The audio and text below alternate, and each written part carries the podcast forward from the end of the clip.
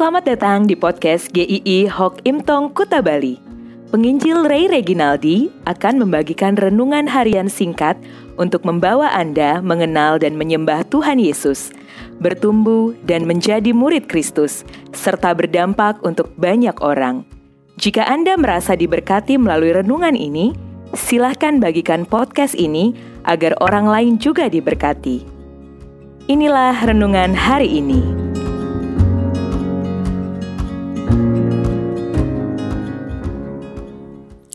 Obat ajaib.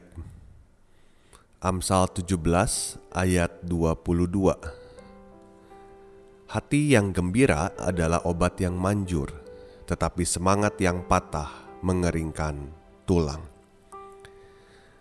Konon, di dalam dongeng-dongeng atau film-film suka disebutkan ada obat dewa, yaitu obat yang bisa menyembuhkan segala macam penyakit obat yang langka, tapi obat yang bisa menjadi penawar racun yang paling berbahaya.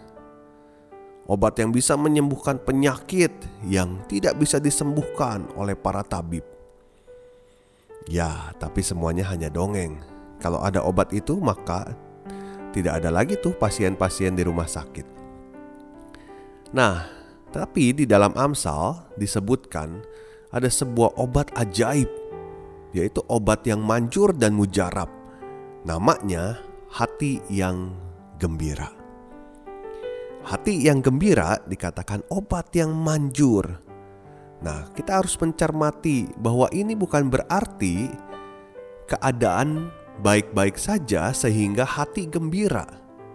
Tetapi karena dikatakan sebagai obat yang manjur, berarti ada kondisi yang sedang sakit karena memerlukan obat yang manjur atau keadaan yang tidak semestinya. Hati yang gembira adalah obat yang manjur. Ini juga bukan berarti kita menyangkali keadaan bahwa kita sedang sedih, berduka, lalu kita gembira-gembira saja. Sama sekali tidak seperti itu juga. Hati yang gembira itu juga bukan berarti wajah yang selalu dihiasi dengan senyuman di depan orang-orang. Kalau hati sedang terluka, pasti susah buat tersenyum. Hati yang gembira dikatakan obat yang manjur, itu bukan berarti juga obat untuk menyelesaikan semua permasalahan yang ada. Ketika kita gembira, bisnis yang tadinya ambruk jadi naik lagi badan yang tadinya sakit jadi sembuh, bukan seperti itu. Dan hati yang gembira itu pastilah sebuah pilihan, bukan muncul begitu saja, karena dikatakan hati yang gembira, obat yang manjur.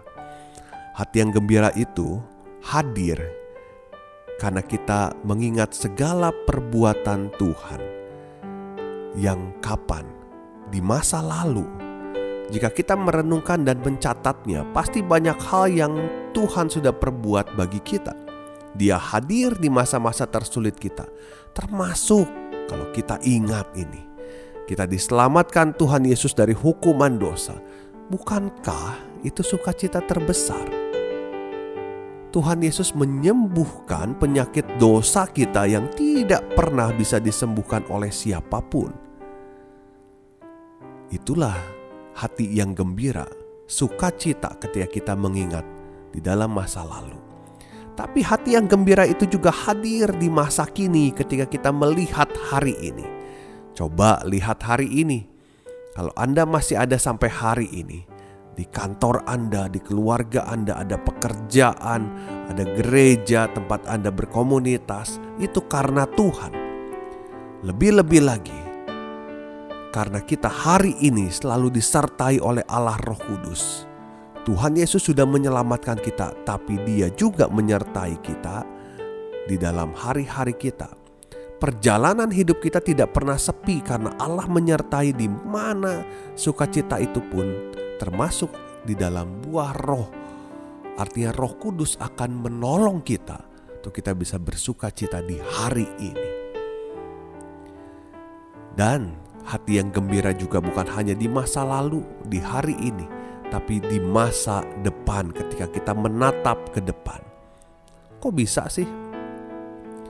Kan belum tahu apa yang akan terjadi. Ingat, kita percaya bahwa Tuhan itu merancang hidup kita, bukan? Tuhan merancang itu secara penuh sampai di masa depan kita yang kita belum pernah lihat, yang kita belum tahu. Namun rancangannya dikatakan rancangan damai sejahtera. Gembira enggak? Sukacita enggak? Ya dong harusnya. Bukan panik ya.